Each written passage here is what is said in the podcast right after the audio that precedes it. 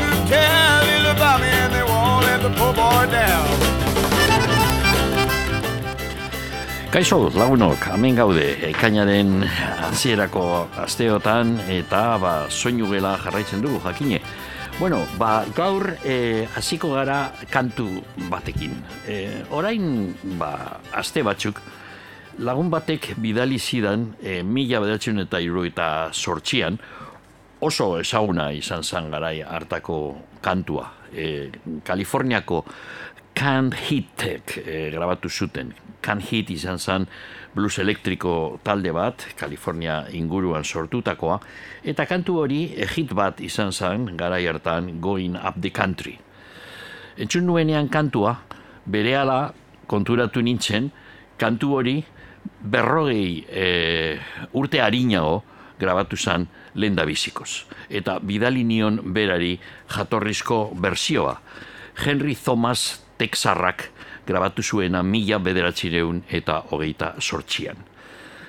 Kantua ederra da, eta bi berzino ben artean, bueno, biak entzungo ditugu eta zuek aukeratu alduzue.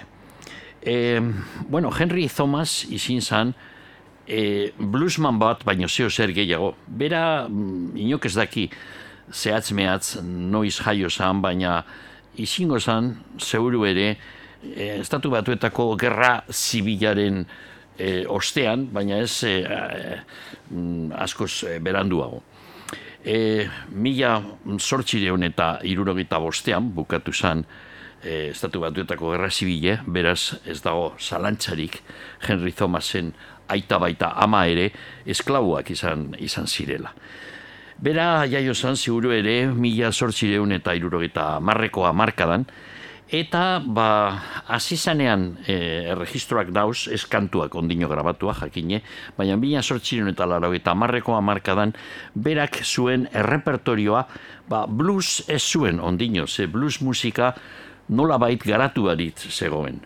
E, beltzek jotzen dituzten beste estiloak, agertzen dire bere e, kantutegian bere repertorioan Square Dance Tunes esate baterako rag musika, e, vodevil, minstrel eta abarreko estiloak.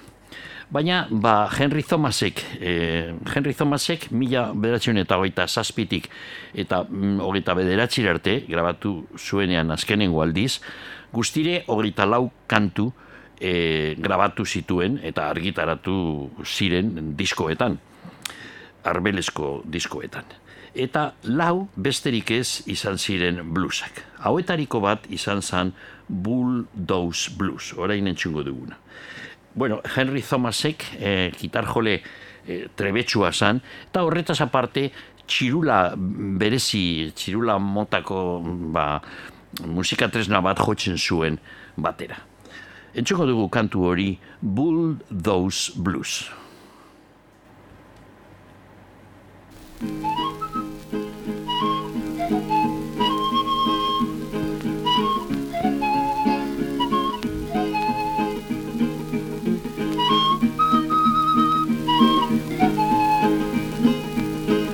gonna away, baby, and it won't be long. I'm going away, and it won't be long.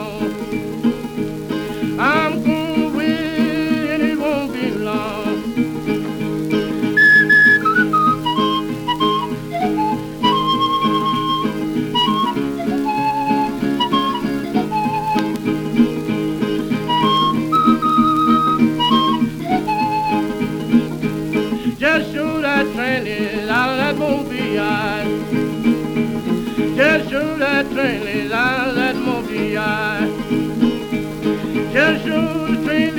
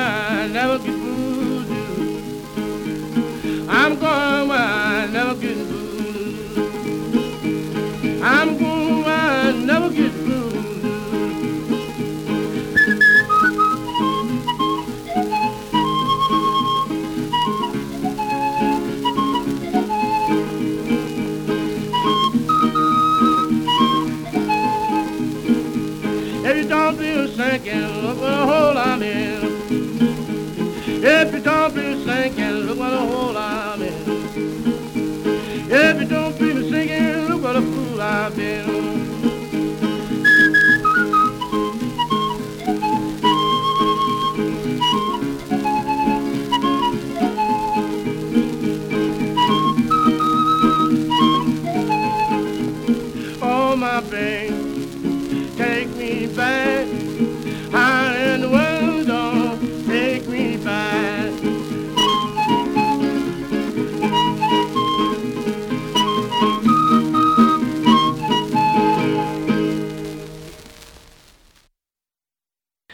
Ederto, launo, ba hori da kantu, kantu eder hori, eh? Bulldoze Blues. Eta hausak zer diren, mila bederatzireun eta irurogeta sortzian, Can Hit taldeak bersio bat egin zuten. Beste izenekin, Going Up the Country, mendira, eh, mm, guazen, eh, goaz, Em, kantu, kantu hori egin zuten, eh, bueno, mm, Can Hit, esate baterako azaldu behar dugu apur bat, Can Hit taldearen partaideak izan ziren bluesale amorratuak, benetazko eh, jente aditua. E, kantaria Bob Hyde, gaur egun ja hilda dauz gehienak, uste dut bat geratzen da bizirik.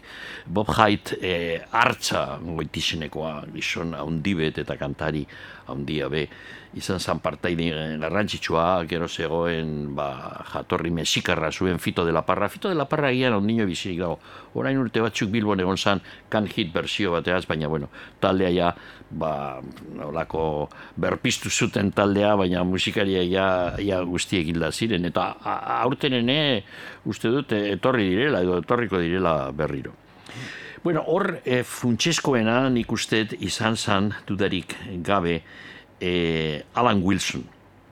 Alan, Alan Wilson izan zan gizon bat, e, gitarjole bat, oso trebea, e, bere goitizena zan, e, zera, mo- mozoio itxua, berak e, esan itxue, baina ia ia, ba, miopia zuen hain handia, ba, olako betaurrekoak zituen, ba, ez dakit zenbat zentimetro zituen lente bakoitzak.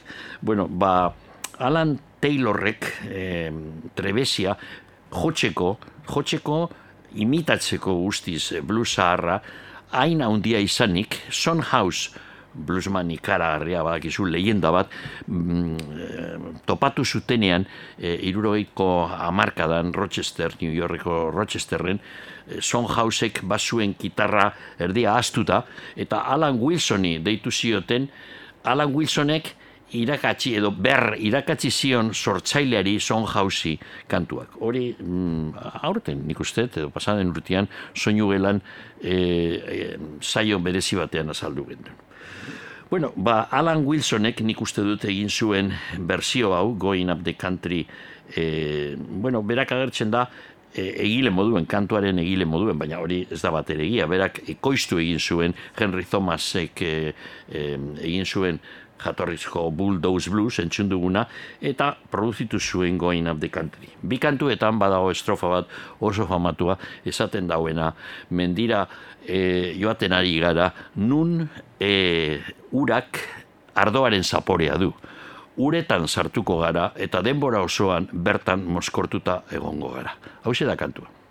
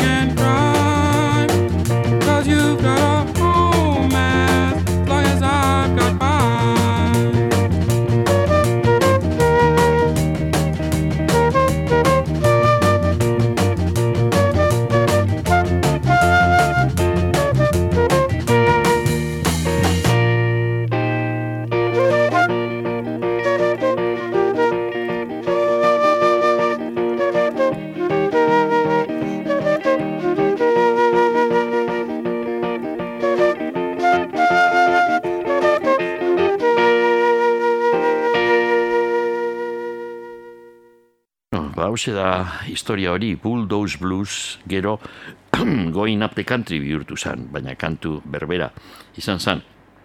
E, gauzagat, e, esan nahi dizuet, e, Henry Thomasen, bueno, orain eun urte geratutako kantuak, ia eun urte geratutako kantuak dire, eta beti viniloak argitaratu dira, eta e, zederen bat, be bai, berreskuratzeko bere hogeita lau kantu. Eta beti agertzen zen argazki bat, Henry Thomasena, oso argazki nahiko kaskarra, eta orain gitxi, uste dut, pasaden urtean edo urte eta erdi, agertu da filmazio txiki bat, nun Henry, eh, Henry Thomas agertzen da kalian, jotzen, kitarra eta txirula berezi hori, e, e, pan izeneko txirula estilokoa, eta e, filmazio horretatik e, argazkiak e, askotan agertzen da. YouTubeen gure badozue ikusi alduzue mugimenduarekin gainera Henry Thomas orainia eun urte kalian, Texasko kale batian jotzen, musika jotzen. Bueno, orain e, jarraituko dugu Gordon Lightfoot, e, abeslari kanadiarrarekin. Joan den maiatzaren batian, orain hilabete eta astebet, Torontoko e, eritetxe batean Gordon Lightfoot kantari kantu egile handia hil zan, larogeita lau urte zituelarik. Gordonek mm, ba, bazuen prest, hainbeste emanaldi, aurten egiteko, baina apirilean bertan, eh, apirilean, parkatu, bertan bera geratu ziren, eh, ba, geratu zen biratxo emanaldi guztiak geratu ziren, eh, datarik gabe, osasun arazo larriak zituen eta. E, Gordon Lightfootek bosteun abesti baino gehiago idatzi eta grabatu zituen. Eta bere kantuak askotan bertsioneatuak izan dire. Besteak beste Bob Dylan, Elvis Presley, Johnny Cash, Neil Young, Barbara Streisand eta jende askoz gehiago e, interpretatu ditu bere kantuak Gordon Lightfooten errepertorioa. Bueno, ba, entxuko dugu, azteko mila bederatzeun eta irurogeita zeian, berak grabatu zan, eta bere lehenengoko LP-an, bere lehenengoko diskoan, agertu zan kantu famatua, eta gero berriro ere entzungo dugu beste berzio bat. Hau da Early Morning Rain, Gordon Lightfooten, mila bederatzeun eta irurogeita zeian, bueno, berak grabatu, grabatu zuen kantu, harinago, mila bederatzeun eta irurogeita lauan, baina LP-a irurogeita zeian kaleratu zen.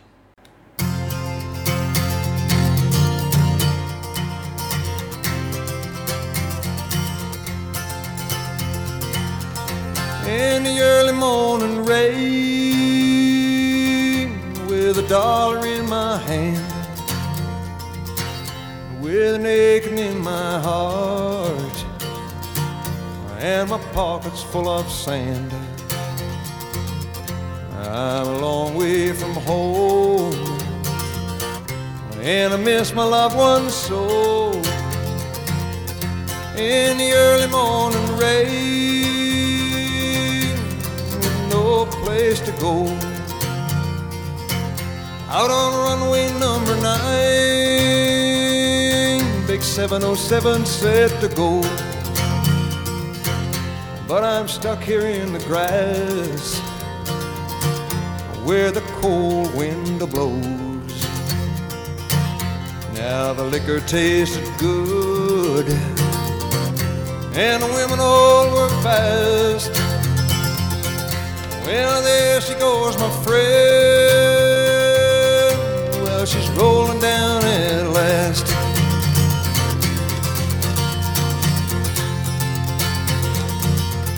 Hear the mighty engines roar. See the silver bird on high. She's away and westward bound. Far above the clouds she'll fly. Where the morning rain don't fall and the sun always shines. She'll be flying over my home in about three hours' time.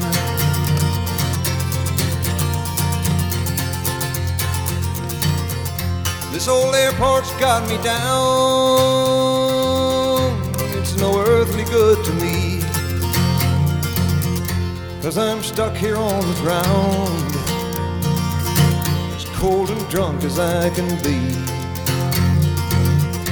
You can't jump a jet plane like you can a freight train.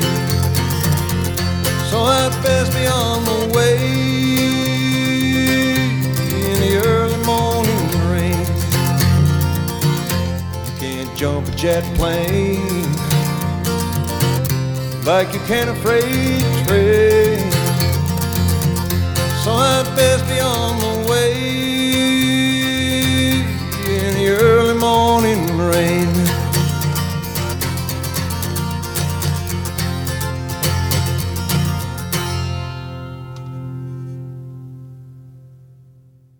Ederto, bueno, Bob Dylanek miresten zuen eh, Gordon Lightfoot asko mirestu eta esan. E, eta aspaldian, mila bederatzen eta iruroita marrean, ba, Bob Dylanen diskoa oso mm, kritikatua izan zen, self-portrait, eh, autorretratoa edo. E, eta mm, diskorretan e, egon zen apur bat e, nazketaren bat, berzio batzuk, e, zuzeneko e, kontzertuetatik hartutako beste kantu batzuk, edo kaleratu barik egon zirenak dilanen kantu sekretu batzuk, bueno, horako naste borraste bat. Egia esan, Dilanek bazuen, nik uste ja gara hartarako, CBS-arekin e, kontratoa bukatzeko gogoa, eta mm, denbora gitxien egin zituen bidizko olako ba, gauzak soberan ziren gauzekin eta bar, baina horrek ez du esan gure diskoa txarra dela, eh? self-portrait jaso zituen garai hartan Rolling Stone eta barrikoetan kritika txarrak, baina gaur egun denboraren perspektibarekin ikusten baduzu, ba, disko hau da ba, artista asko, abeslari askok eh, grabatu zuten eh, diskorik egonena, baina asko sobeago, nire ustez. Bueno, entzungo dugu kantu berbera, Gordon Lightfootek eh, hasieran bere ibilbidearen hasieran egin zan Early Morning Rain, eh, goizeko eurie edo, goizeko goizeko eurie, eta hause da, Dylanek eh, egin zuen berzioa.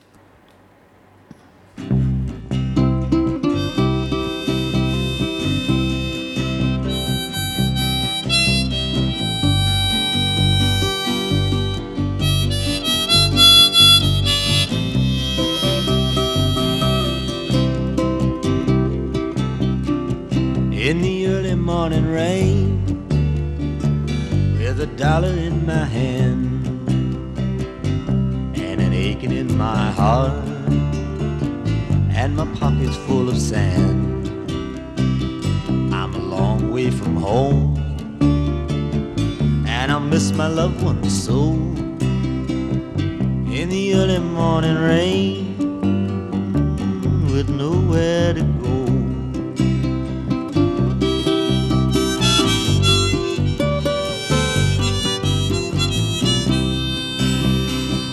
out on runway number nine.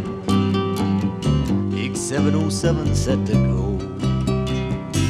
I'm stuck here on the ground where the cold winds blow. The liquor tastes too good, and the women all are fast. There she goes, my friend.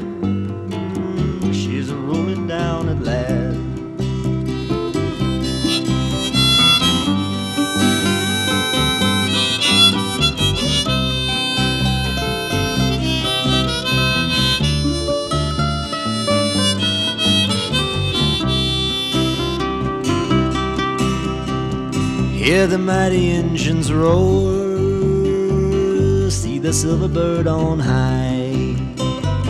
She's away and westward bound, far above the clouds she'll fly.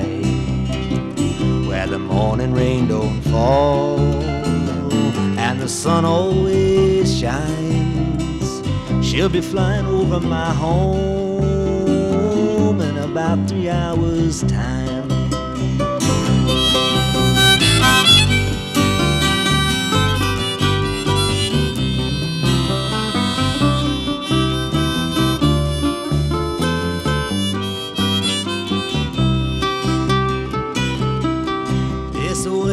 Got me down.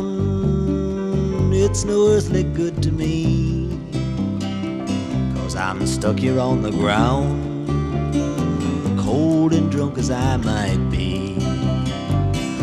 You can't hop a jet plane like you can a freight train. So I best be on my way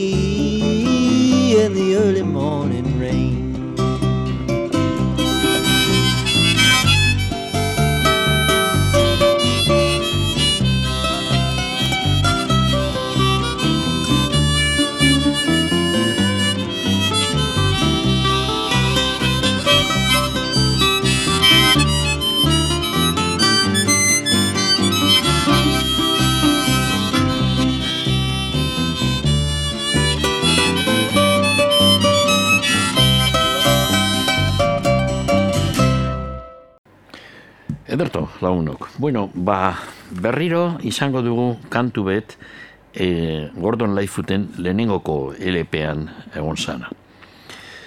Kantua, bueno, that's what you get for loving me, baina ba, Gordon Lightfooten disko, jarraiz, e, jatorrizko diskoan agertzen zen for loving me, ni maiteagatik edo. Eta hause izan da beste kantu bat e, asko agertu dela e, beste kantu tegietan. Momentu zentxungo dugu, irurogeita bostean, mila bedatzen eta irurogeita bostean, e, Gordon Lightfootek grabatu zuen, For Loving Me.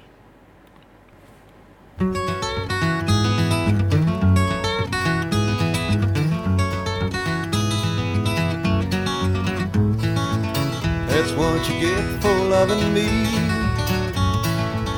That's what you get for loving me. Everything you had is gone, as you can see. That's what you get for loving me. I ain't the kind to hang around with any new love that I've found. Cause moving in my stock and trade, I'm moving on. I won't think of you when I'm gone.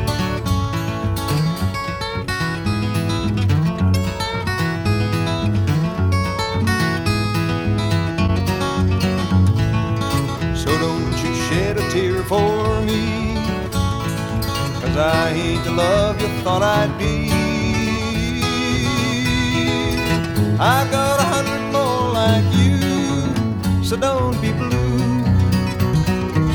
I'll have a thousand before I'm through.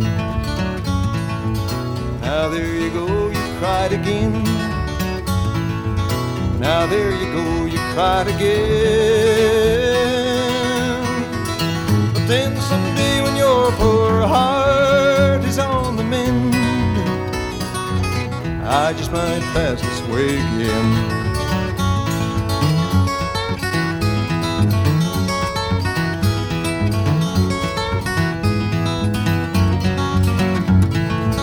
That's what you get for loving me.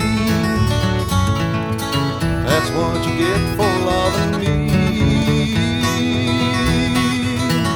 Everything you had is gone, as you can see. That's what you get for loving me. That's what you get for loving me.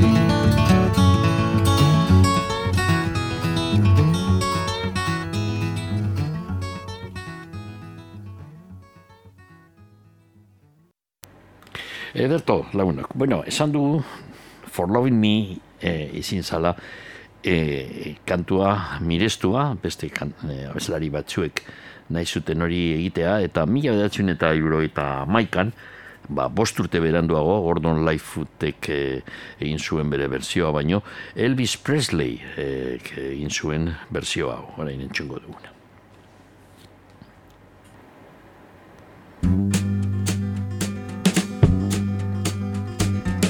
That's what you get for loving me. That's what you get for loving me. Everything we had is gone, you can see. That's what you get for loving me. Now don't you shed a tear for me. I ain't the love you thought I'd be. I've had a hundred just like you, but don't be blue. Have a I'm through. That's what you get for loving me. That's what you get for loving me. Everything we have is gone, if you can see. That's what you get for loving me. And now there you go, you're crying again. You should have known how things would end. But then someday when your poor heart is on the mend, I just might pass this way again. That's what you get for loving me. That's what you get for loving me. Everything had is gone, get for loving me. Oh, that's what you get for loving me. But that's what you get for loving me. Everything we had is gone, if you can see. That's what you get for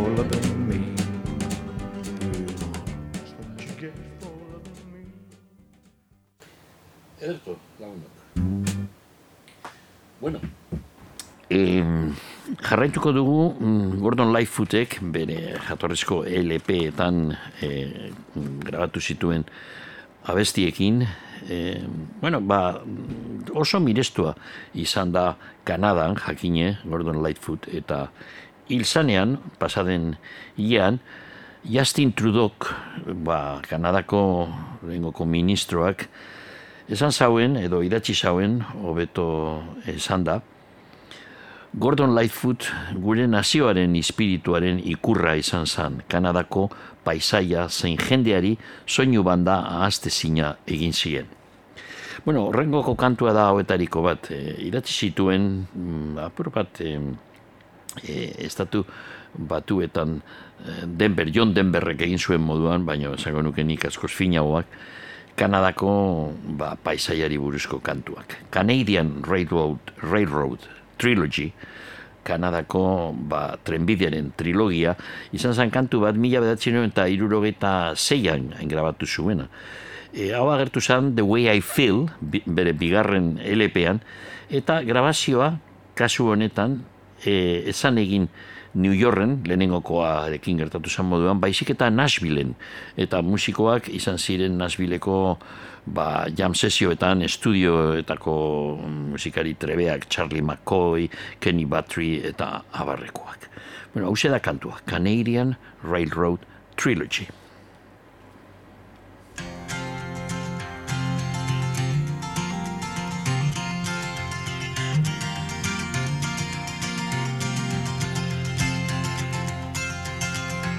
There was a time in this fair land when the railroad did not run. When the wild, majestic mountains stood alone against the sun. Long before the white man and long before the wheel. When the green, dark forest was too silent to be real.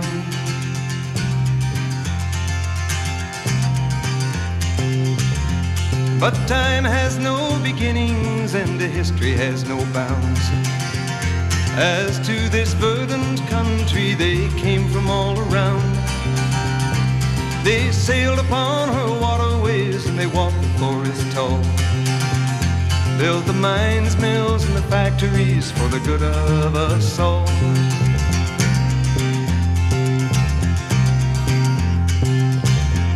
And when the young man's fancy was turned to the spring, the railroad men grew restless for to hear the hammers ring. Their minds were overflowing with the visions of their day. And many a fortune lost and won, and many a debt to pay. For they looked in the future, and what did they see? The sun.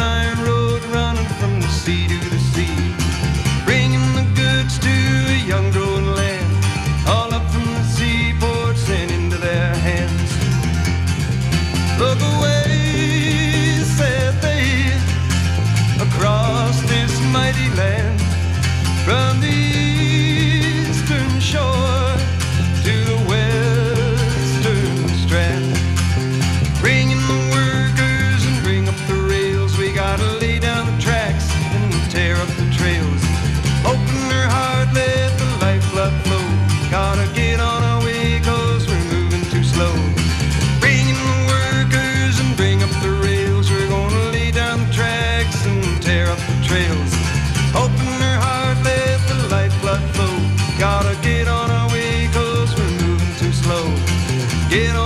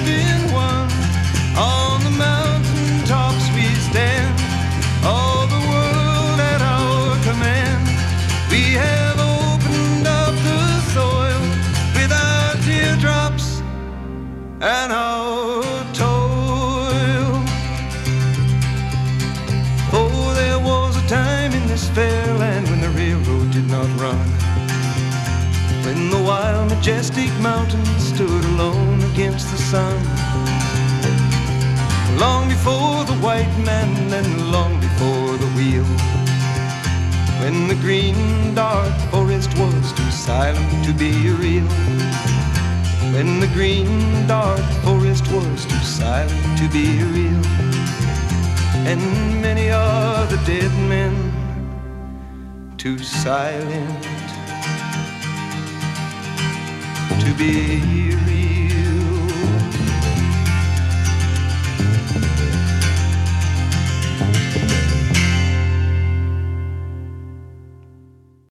Bueno, lagunok, eh, beste kantu bat eh, oso eh, esanguratsua izin zala. Eh, Gordon Lightfooten ibilbidea izan zan If You Could Read My Mind, gure nire eh, mentea edo irakurri alba zenu.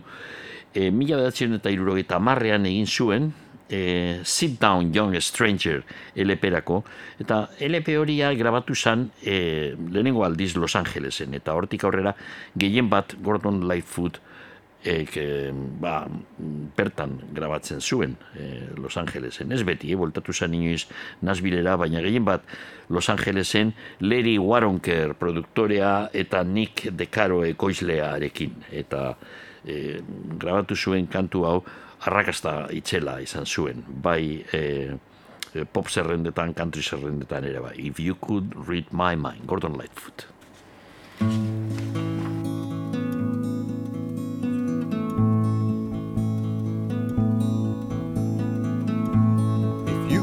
Read my mind, love, what a tale my thoughts could tell. Just like an old time movie about a ghost from a wishing well. In a castle dark or a fortress strong with chains upon my feet. You know that ghost is me.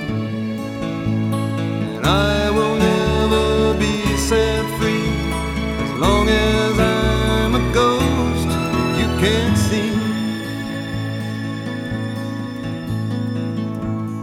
If I could read your mind, love, what a tale your thoughts could tell.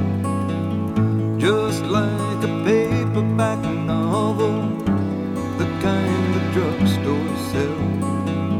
When you reach the part where the heartaches come, the hero would be me. Heroes often fail. And you won't read that book again because the ending's just too hard to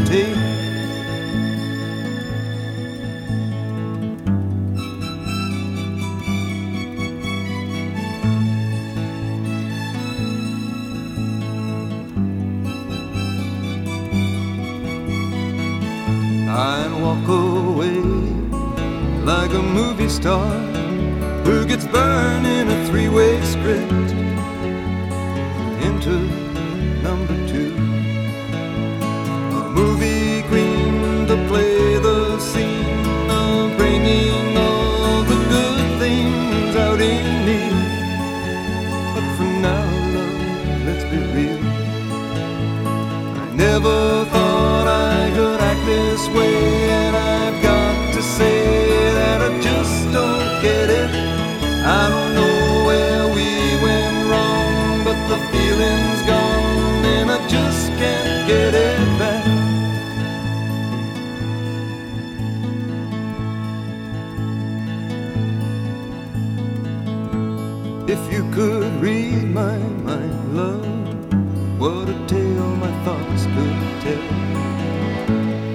Just like an old time movie about a ghost from a wishing well. In a castle dark or a fortress strong with chains upon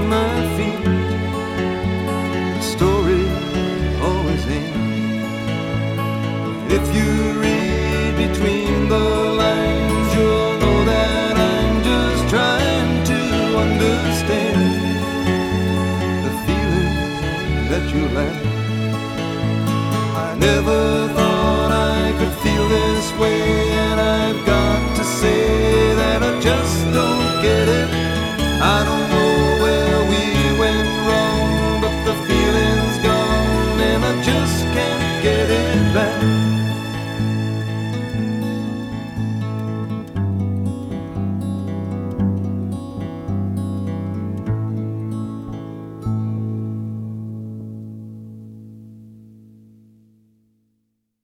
Eta urrengokoa, agian hause da gehien e, entzun sana, edo gehiengoetako, mila bedatzen eta irurogeta amalauan grabatu zan Sundown izeneko kantua, eta izen bereko LP-an zegoen. Bueno, orain entzungo dugu kantu hori, Sundown. Sundown.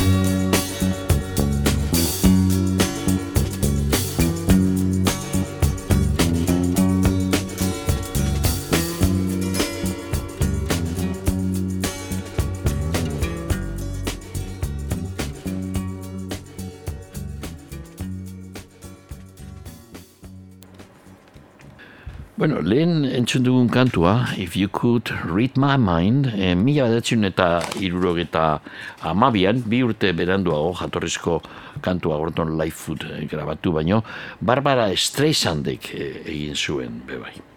Gero, ba, beste kantari askok, e, nik uste dut Elvis Presley berak grabatu egin zuen, If You Could Read My Mind, baina orain Barbara Streisanden berzioa entzungo dugu, esan dugun moduan, mila bederatxireun eta irurogeta amabian grabatua.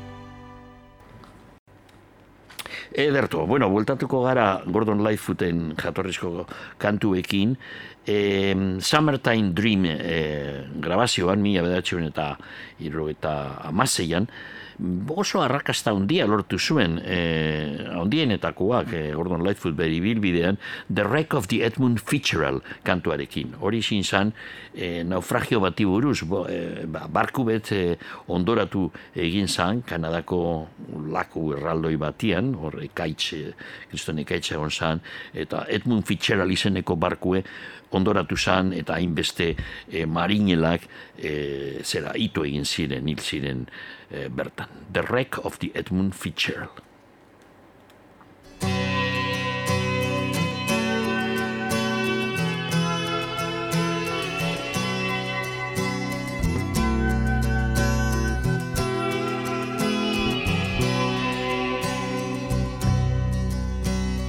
Legend lives on from the Chippewa on down to the big lake they call Gitchagumi.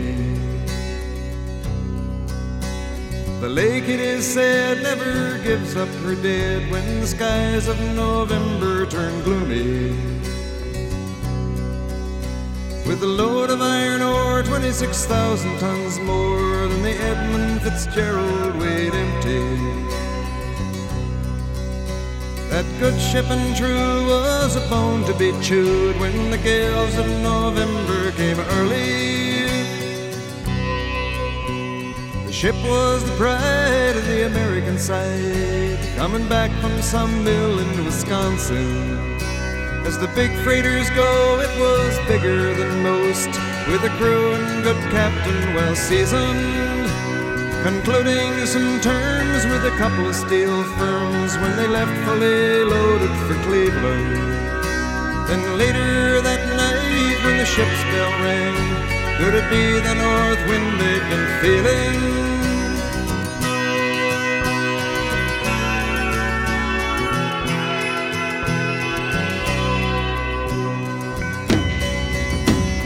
wind and the wine tattletale sound, and the wave broke over the railing. And every man knew as the captain did too, 'twas the witch of November come stealing. The dawn came late and the breakfast had to wait when the gales of November came slashing. When afternoon came, it was freezing rain in the face of a hurricane west wind.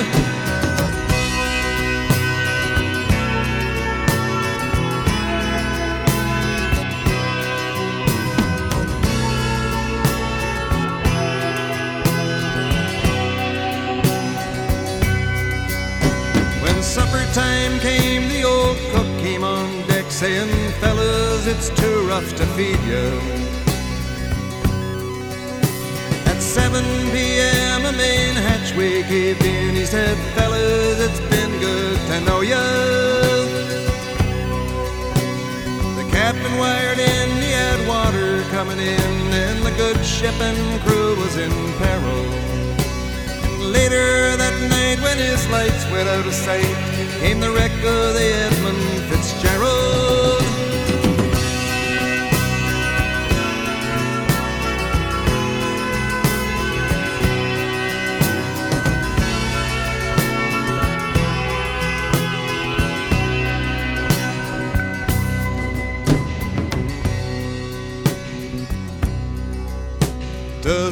Anyone know where the love of God goes when the waves turn the minutes to hours? The searchers all say they'd have made Whitefish Bay if they'd put 15 more miles behind her. They might have split up or they might have capsized. They may have broke deep and took water. And all that remains is the faces and the names the wives and the sons and the daughters.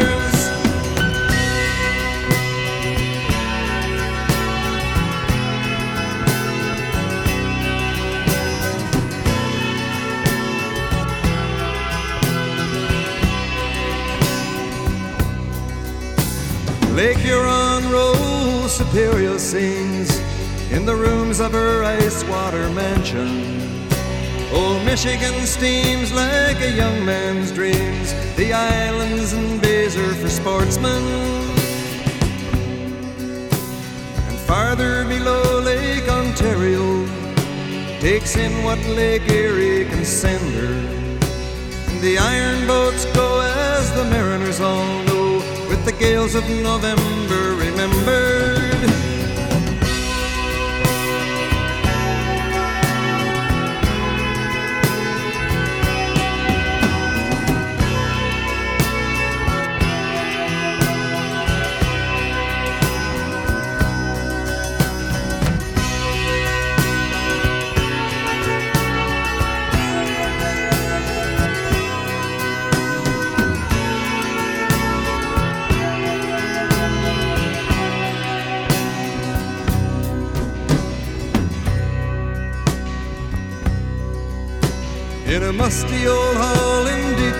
They prayed in the Maritime Sailors Cathedral. The church bell chimed till it rang 29 times for each man on the Edmund Fitzgerald.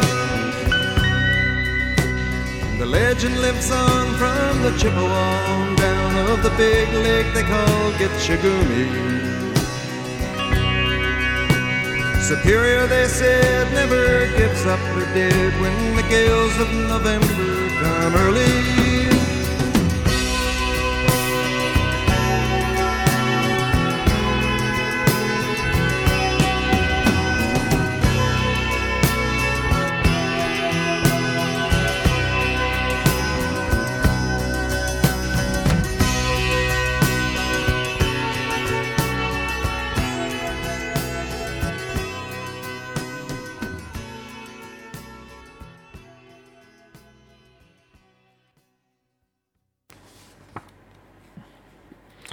Ederto lagunok. Bueno, mm, kantu bat eh, egin zuen eh, Gordon Lightfootek Eta hause, mm, izin zan, mila bedatzen eta eta zazpian gertatu zan kontua estatu batuetan.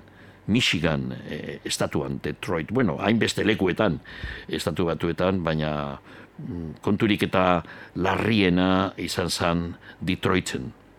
Kantua Black Day in July, ba, egun baltza ustailean, izin zan, seguru mm, ikusi duzuela pelikula bat, ez nahi gogoratzen izena, Detroit agian izan zuen izena pelikula hori, orain lau bosturte egin zana, eta pelikula horretan kontatzen da zelan hasi zan Detroiten e, ba, sarraski hori.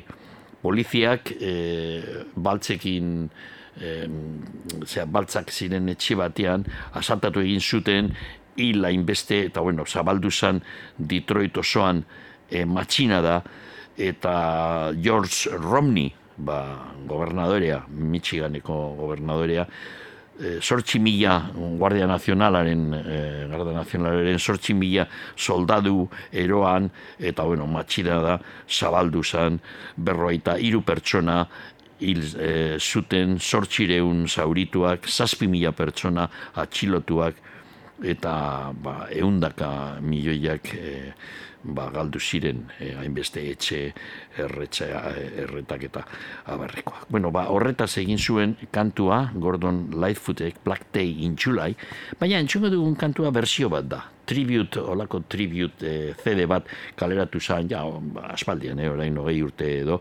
eta mm, hor zegoen e, talde bat, The Tragically Hip izeneko taldea, eta eurek egin zuten berzio hau. Black Day in July.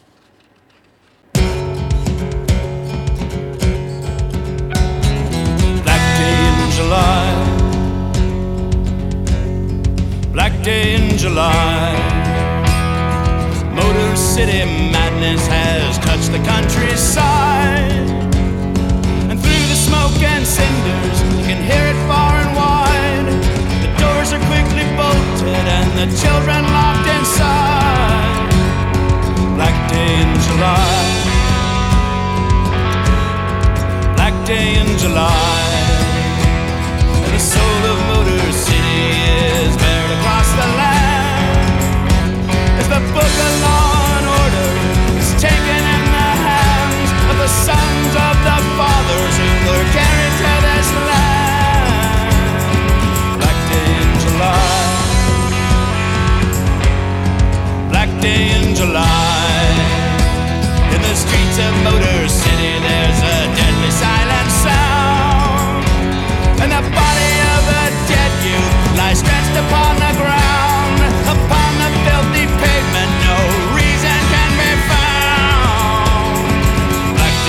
July. Black day in July. Motor City madness has touched the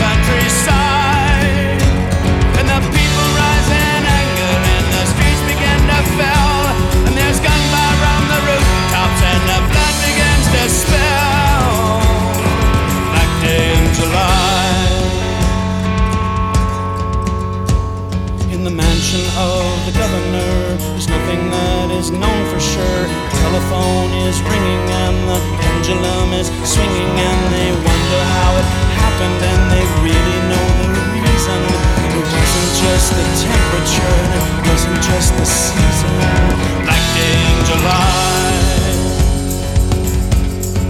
Black day in July. Motor City's burning and the flames are running wild. And they reflect the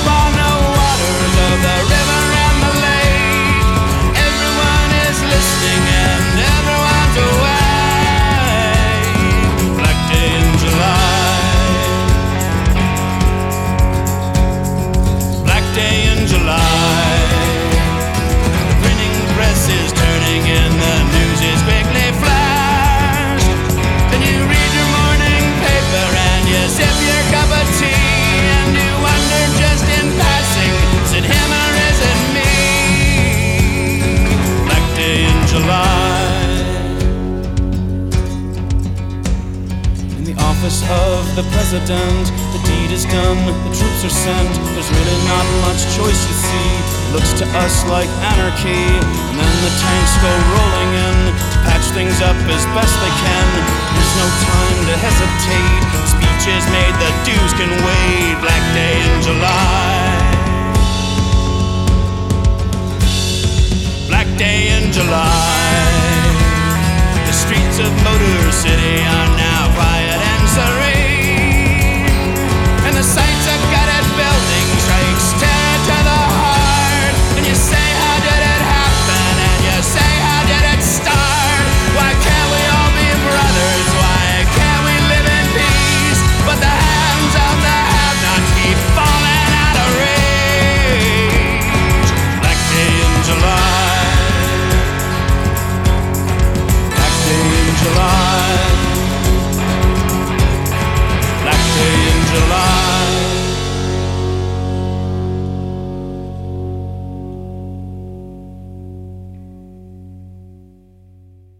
Bueno, eta e, azkenengo kantu bat e, entzungo dugu.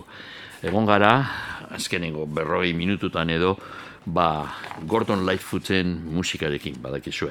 Gordon Lightfoot Kanadarra, pasaden maiatzaren batean hil zan Toronton. Hori dela eta, eta asko miresten dugunez, bere lana, ba, izan ditugu hainbeste kantu, berak grabatutakoak eta gero bere kantuekin beste batzuek egin dituzte azkenengo hamarkadetan ba, bertsioak. Eta bukatuko dugu bertsio batekin berriro. If you could read my mind, entzun dugu jatorrizko ba, grabazioa, e, mila eta irurogeita amarrean Gordon Lightfootek egin zuena, jarraian bi urte beranduago, irurogeita amabian, Barbara Streisandek e, registratu zu, zuena, eta ba, bukatu nahi dugu Johnny Cashekin. Johnny Cash askoz beranduago e, egin zuen kantua. Badakizu, 2006an grabatu zuen. American Recordings izan ziren Johnny Cashek bere ibilbidearen bukaeran, e, egin zituen, uste dut, bost edo sei grabazioak izan ziren, Jack Rubin produktoreak e, emon zion Johnny Cassi bere azkenengo urteotan grabazioa ederrak egiteko aukera. Musikariak askotan izan ziren e, Petty Tom Petty and the Heartbreakers hemen ere badauz Mike Campbell eta Ben Montaigne e, The Heartbreakersen partaideak eta beste musikari batzuk ere bai. Gehien bat em, grabatzen zuena e, Johnny Cashek e, disko hauetan, American Recordings izeneko disko hauetan izan ziren, kantu famatuen bersioak, mm, e, e, eremu ezberdinetakoak, batzuk ziren tradizionalak, Johnny Cashek eh, aspaldian egindako kantuak beha agertzen ziren, edo Bruce Springsteen, edo Dylan, edo Ian Tyson, edo kasu honetan gertatu zen moduan Gordon Lightfoot. If I Could Read My Mind, esan dugu moduan, 2006an Eh, e, grabatu zuen Johnny Cashek.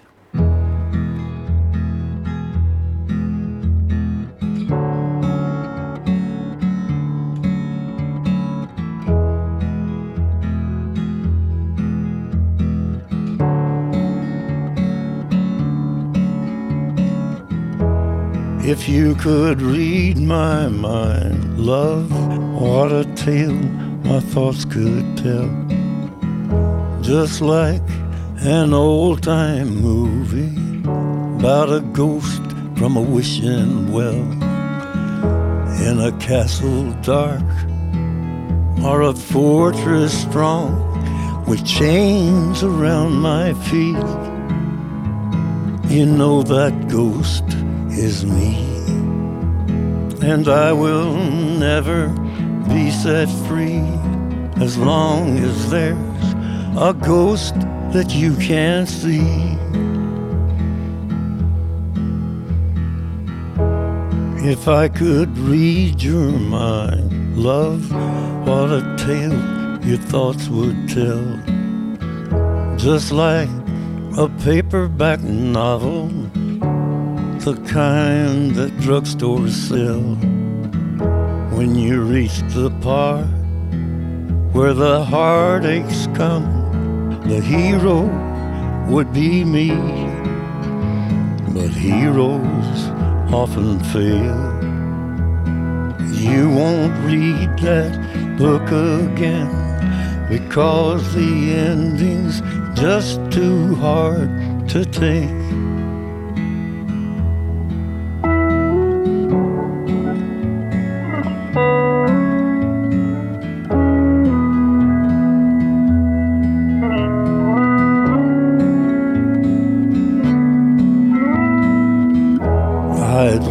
Away like a movie star who gets burned in a three way script. Enter number two, a movie queen to play the scene. I'll bring in all the good things out in me. But for now, love, let's be real. I never thought I could act this way, and I've got to say that I just don't get it. I don't know where we went wrong, but the feeling's gone, and I just can't get it back. If you could read my mind, love, what a tale my thoughts could tell. Just like an old time movie about a ghost from a wishing well in a castle dark or a fortress strong with chains upon my feet.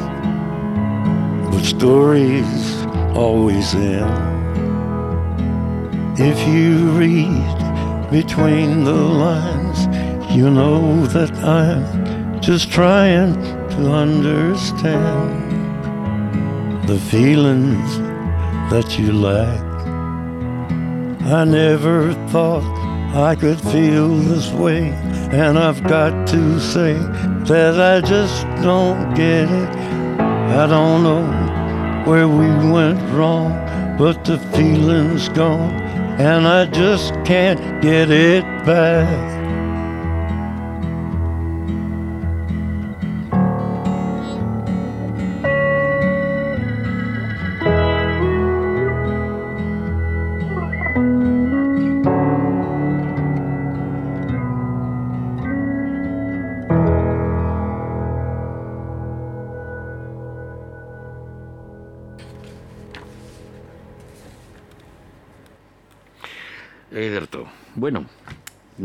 Aldatuko dugu, eta Judy Seal, Kaliforniako kantari kantu egilarekin ibiliko gara, urrenoko minutuetan. Ba, Judy, Judy Seal, mila bederatzen eta berrogeita lauan jaio eta gaztea izanik ondino, mila bederatzen eta irurogeita emeretzian, ba, hogeita amabosturte besterik ez zuenian hil zan. Judy, Judy Sil beti eh, bizi izan arriskutsuak ziren egoeretan. Gaztea izanik ere kartxelatua eh, izan zan, eta gero jonkia luze, ba, hilarte. Eta hori mm, eta guztiz ere bere musika, berak musika egiteko basuen paregabeko trebezia. Ba, artista ondia izin zan. Ez da hain ezaguna, zeren eta bi disko besterik ez zuen grabatu, Judy Seal izenekoa, eta gero jarraian egin zuen beste bat Hard Food. Lehenengokoa mila bederatzen eta irurogeita maikan, eta bigarrena bi urte beranduago, irurogeita amairuan. Eta esan dugu moduan sei urte beranduagoa hilda zegoen, baina bitartean ja zuen grabatu gehiagorit. Bueno, beste disko bat bidean zegoen, baina inoiz esan kaleratu. Bueno, ba, Judy Sealen grabatu eta argitaratu ziren kantu guztiak, badauz eskuragarri, e, Rino diskoetxeak kaleratu zuen orain urte batzuk eta eskuragarria da, bilduma bat, CD bikoitz bat, nun hainbeste kantuak e, agertzen dire, ba, agertzen dire, jatorrizko bi LP osoak, behi, gehi gainontzeko beste kantu batzuk, guztire ba, berroita bi kantu dauz, eta, bueno, gainera, ba, e, zarean badauz entzuteko aukera, jakina. E, orain gitxi, orain hilabete batzuk, orain hilabete batzuk e, kaleratu da a, erderaz, itxuli eginda komikia, baina jatorriz frantsesez nik uste dut argitaratu zan pasaden urtean, Diaz Canales eta Alonso Iglesiasek egindako komiki luze eta eder bat. Bere ibilbideari buruz, e, akizue, Diaz Canales e, gidoilaria eta Alonso Iglesias e, marraskilaria, marraskigilea. E, komiki hori ba, argitaratu da eta pentsatu dugu komenigarria zen berriro ekartzea soinu gelan harina izan du Judi Estil, baina berriro ekartzea Judiren kantu ederrak gure eh, saiora. Bueno, ba, Kaliforniako Laurel Canyon inguruan ibiltzen zan, bera, ba, inoiz Crosby Estil eta Nasen kontzertuetan teloneroa ezin zala, baina bizi modu komplikatua zuen, esan dugun moduan, berak eh, elkarrizketa batean Rolling Stone aldizkariaren txat esan zauen, e, hiru urte jarraien e, egunero izan zuen heroinaren menpetasuna eta e, eunda berrogeita mar dolar behar zituen egunero horretarako eta hori zela eta berak esaten zuen zelan kalean bizi izan eta prostituzioa e, munduan ibili izan dirua lortzeko hainbeste e, kasuak egon ziren moduan bertan Ameriketan eta amen Euskal Herrian be gertatu zen garai baten. Bueno, e, orain, entzungo dugu kantuak, e, grabatu ziren, bueno, David Geffen, David Geffen izan zen Kaliforniako olako mm, diskoetxetako astibet, eta berak sortu zuen Asylum izeneko bere lehenengoko diskoetxea, gero luze ibili da e, wea eta beste diskoetxe hondietan, baina Asylum sortu zuenean Judy Steele izen zen bere lehenengoko aukera. Berak ezagutzen zuen Juden e, kantu bat, orain entzungo duguna, Lady O, ze The Turtles, eh, Laurel Canyon inguruan ibiltzen zan rock taldea, grabatu egin zuten eta rakasta izan zueten Lady O eh, abestiarekin. Eta hori zela eta eh, bi urte beranduago mm, grabatu zan Judy Zilen lehenengoko grabazioa. Bertan, zegoen jakina, bere komposizioa The Turtles taldeak harinao grabatu zutena. Lady O, hau da.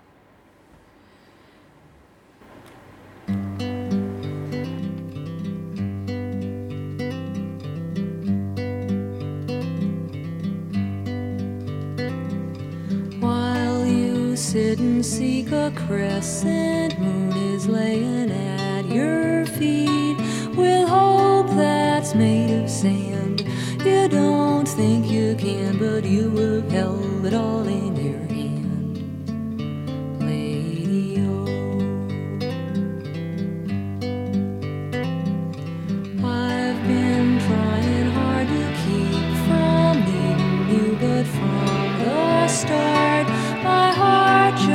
rolled and flowed. I've seen where it goes, and still somehow my love for you grows. Lady. So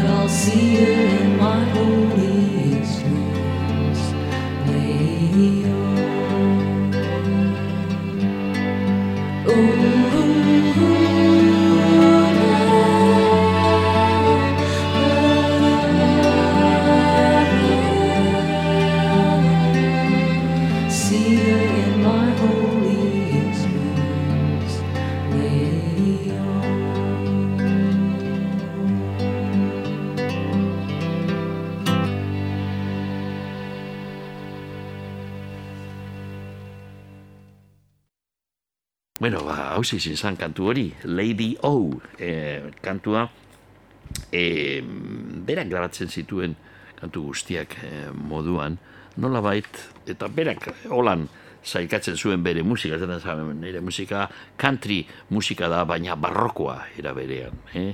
Pedal steel gitar egindakoa, e, mendebaleko bitekin, e, erritmoekin eta tuang ahotzean, baina era berean badu zeo zer e, Bach e, musikaren astarnaren bat eta hortik e, barroko ba, kutsu hori bere musika zegoen, bere kantuak ze- zegoen. Crayon Angels e, izan zen berak grabatu zuen denengoko kantua, disko berri horretarako mila bedatzen eta iruro eta batean eta hause entzungo dugu orain, Crayon Angels.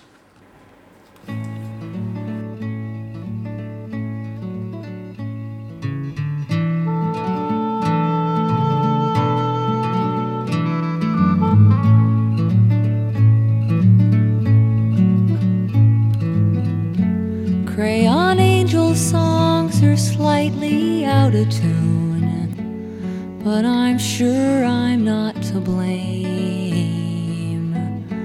Nothing's happened, but I think it will soon, so I sit here waiting for God and a train to the astral plane.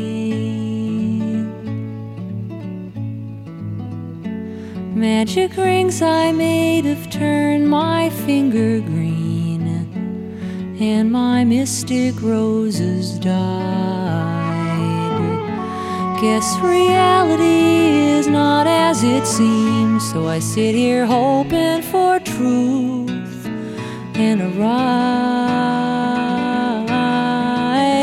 to the other side.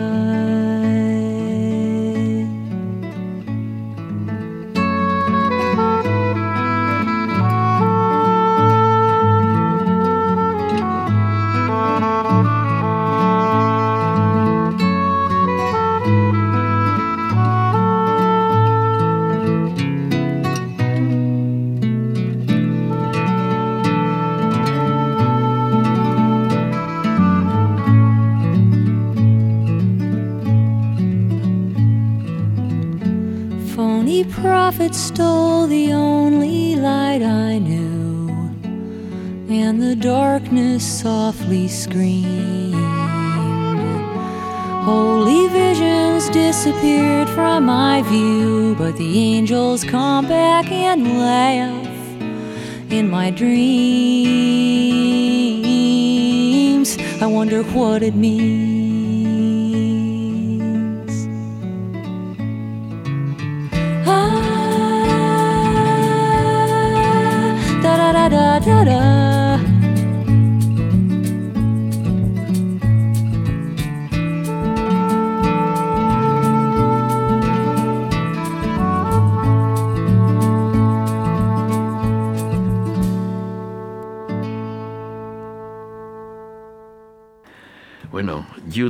Jutsil, Jutsilek eh, grabatu zituen eh, Kalifornian, eta mm, bere lehenengoko diskoa, ba, entzuten duzuenez, mm, gehien bat, bueno, bera jotze zuen gitarra jakine, egon ziren bi edo hiru musikari, beste kantari batzuk, Rita Kulitz barru, baina gero, ba, orkestraren lana zegoen batez ere bere grabazioan.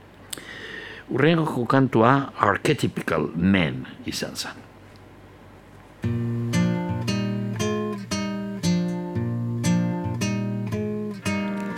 Fleeter even than Mercury.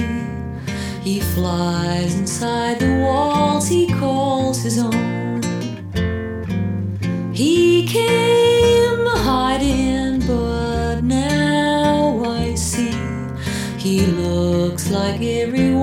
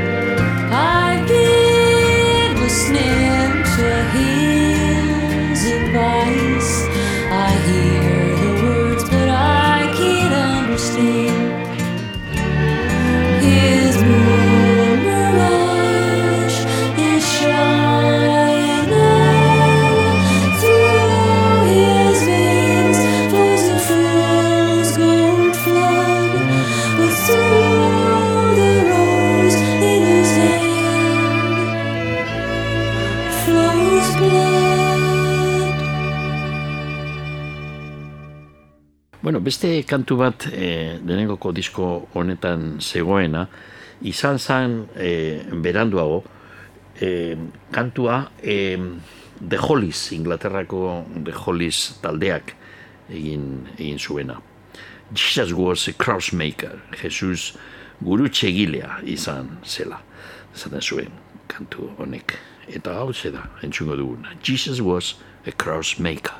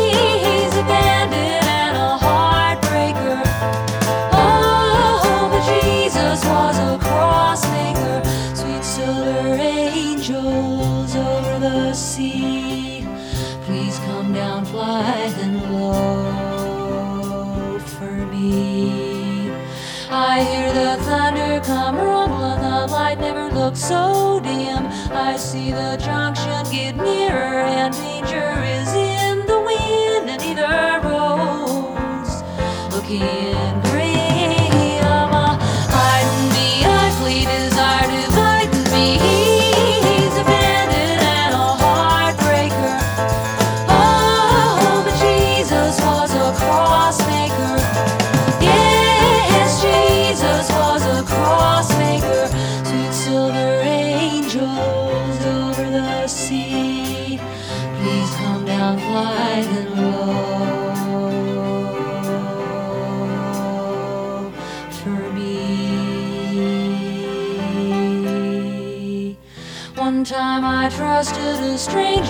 I heard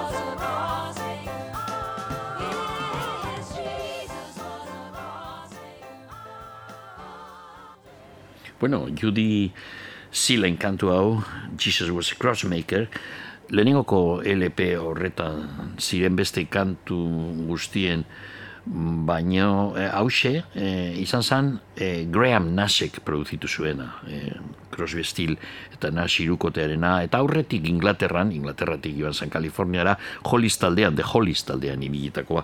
Berak egin zuen produzioa mm, single arrakastatxoa izateko ba, asmoz eta kantua gero LP horretan zegoen bebai baina ba, kantua bakarrik lortu zuen e, ba hori, The Holliesen e, bersioa eta arrakasta handia ez, naiz eta nire ustez kantu handia izan. Bueno, bigarren grabazioa bi urte beranduago egin zuen e, Judy Silek, lehenengoko LPA zuen arrakastarik e, ez merezi zauena, seguru ere, eta bigarren, e, bigarrenarekin antzeko parezido gertatu zen. Zegoen kantu bat, musua izenekoa, orain entxungo du, The Kiss.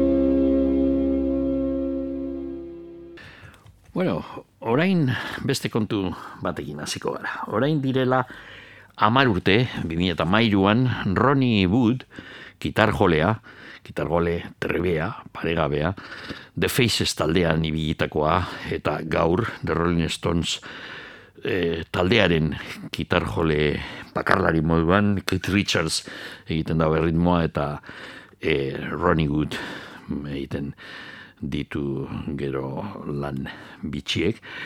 E, kontzertu oso bat antolatu egin zuen Mississippiko Jimmy Reed Rhythm and Blues gitarjole handiari omenez. Jimmy Reed e, Mississippitik joan zan iparrerantzain beste bluesmen egin zuten moduan garai hartan berro eta marreko amarkadan Chicagora joan eta bertan e, grabatu zituen kantu asko.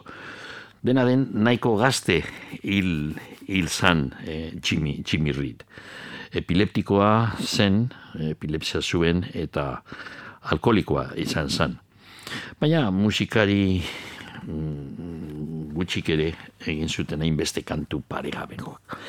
Bueno, entzuko ditugu hiru edo disko honetatik, disko luzea da, ba, kontzertu oso bat, e, hogeiren kantu edo, uste dut da, dauzela eta hiru entzungo ditugu. Irurekin e, taldea, Francesco taldea, Ronnie Wood dagot talde horretan burue, eta gero gonbidatuak ere bai. Shame, shame, shame, lotza, lotza, lotza izenekoa, da lehenengokoa, eta kantu honetan The Jam taldean ibilitako Paul Weller bada partaidea.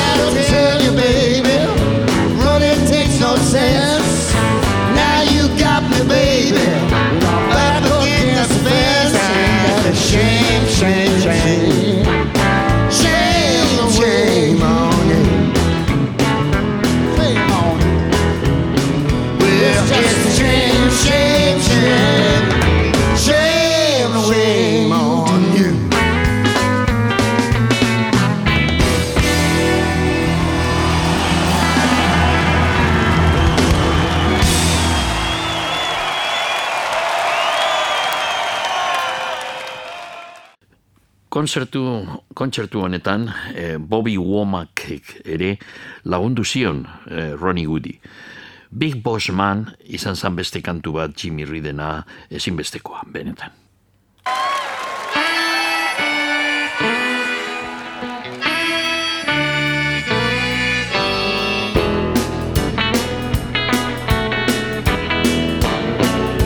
Big Boss Man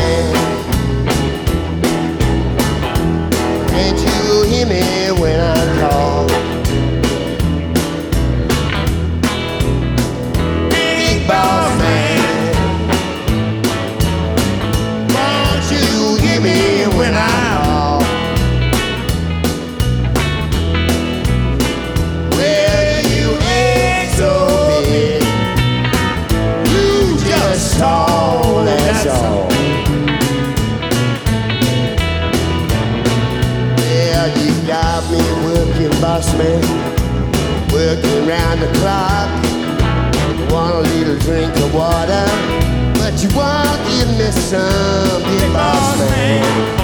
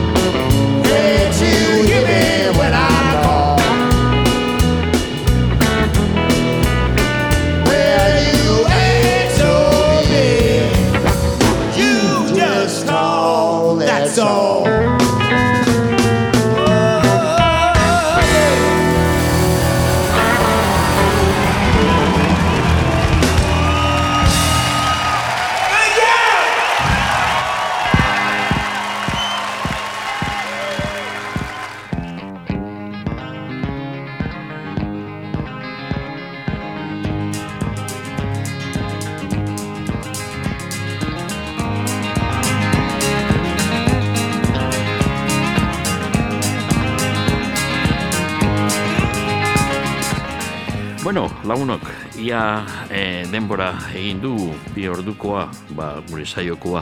Eta gaur eh, e, azteko izan dugu kantu bat, Bulldoze Blues, orainia eun urte, Henry Thomas Texarrak grabatu zauena. Eta berrogei urte beranduago, mila bederatzen eta irurogeita sortxian, Can Hit e, eh, talde Kaliforniarrak egin zuen berzioa, beste izenpean, Going Up the Country.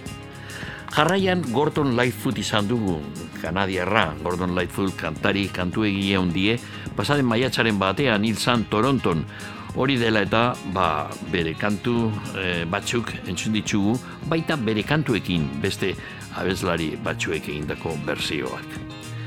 Jarraian Judy Seal, e, kantari kantu egile Kaliforniarra andra bat, oso haundia izan zala, baina laburrerako ba, berak arazoak, arazo larriak izan zituen bizimodu osoan eta hogeita amabos urterekin hil zan, baina itxi zituen bi grabazio Kalifornian egindakoak eta e, oso e, onak biak.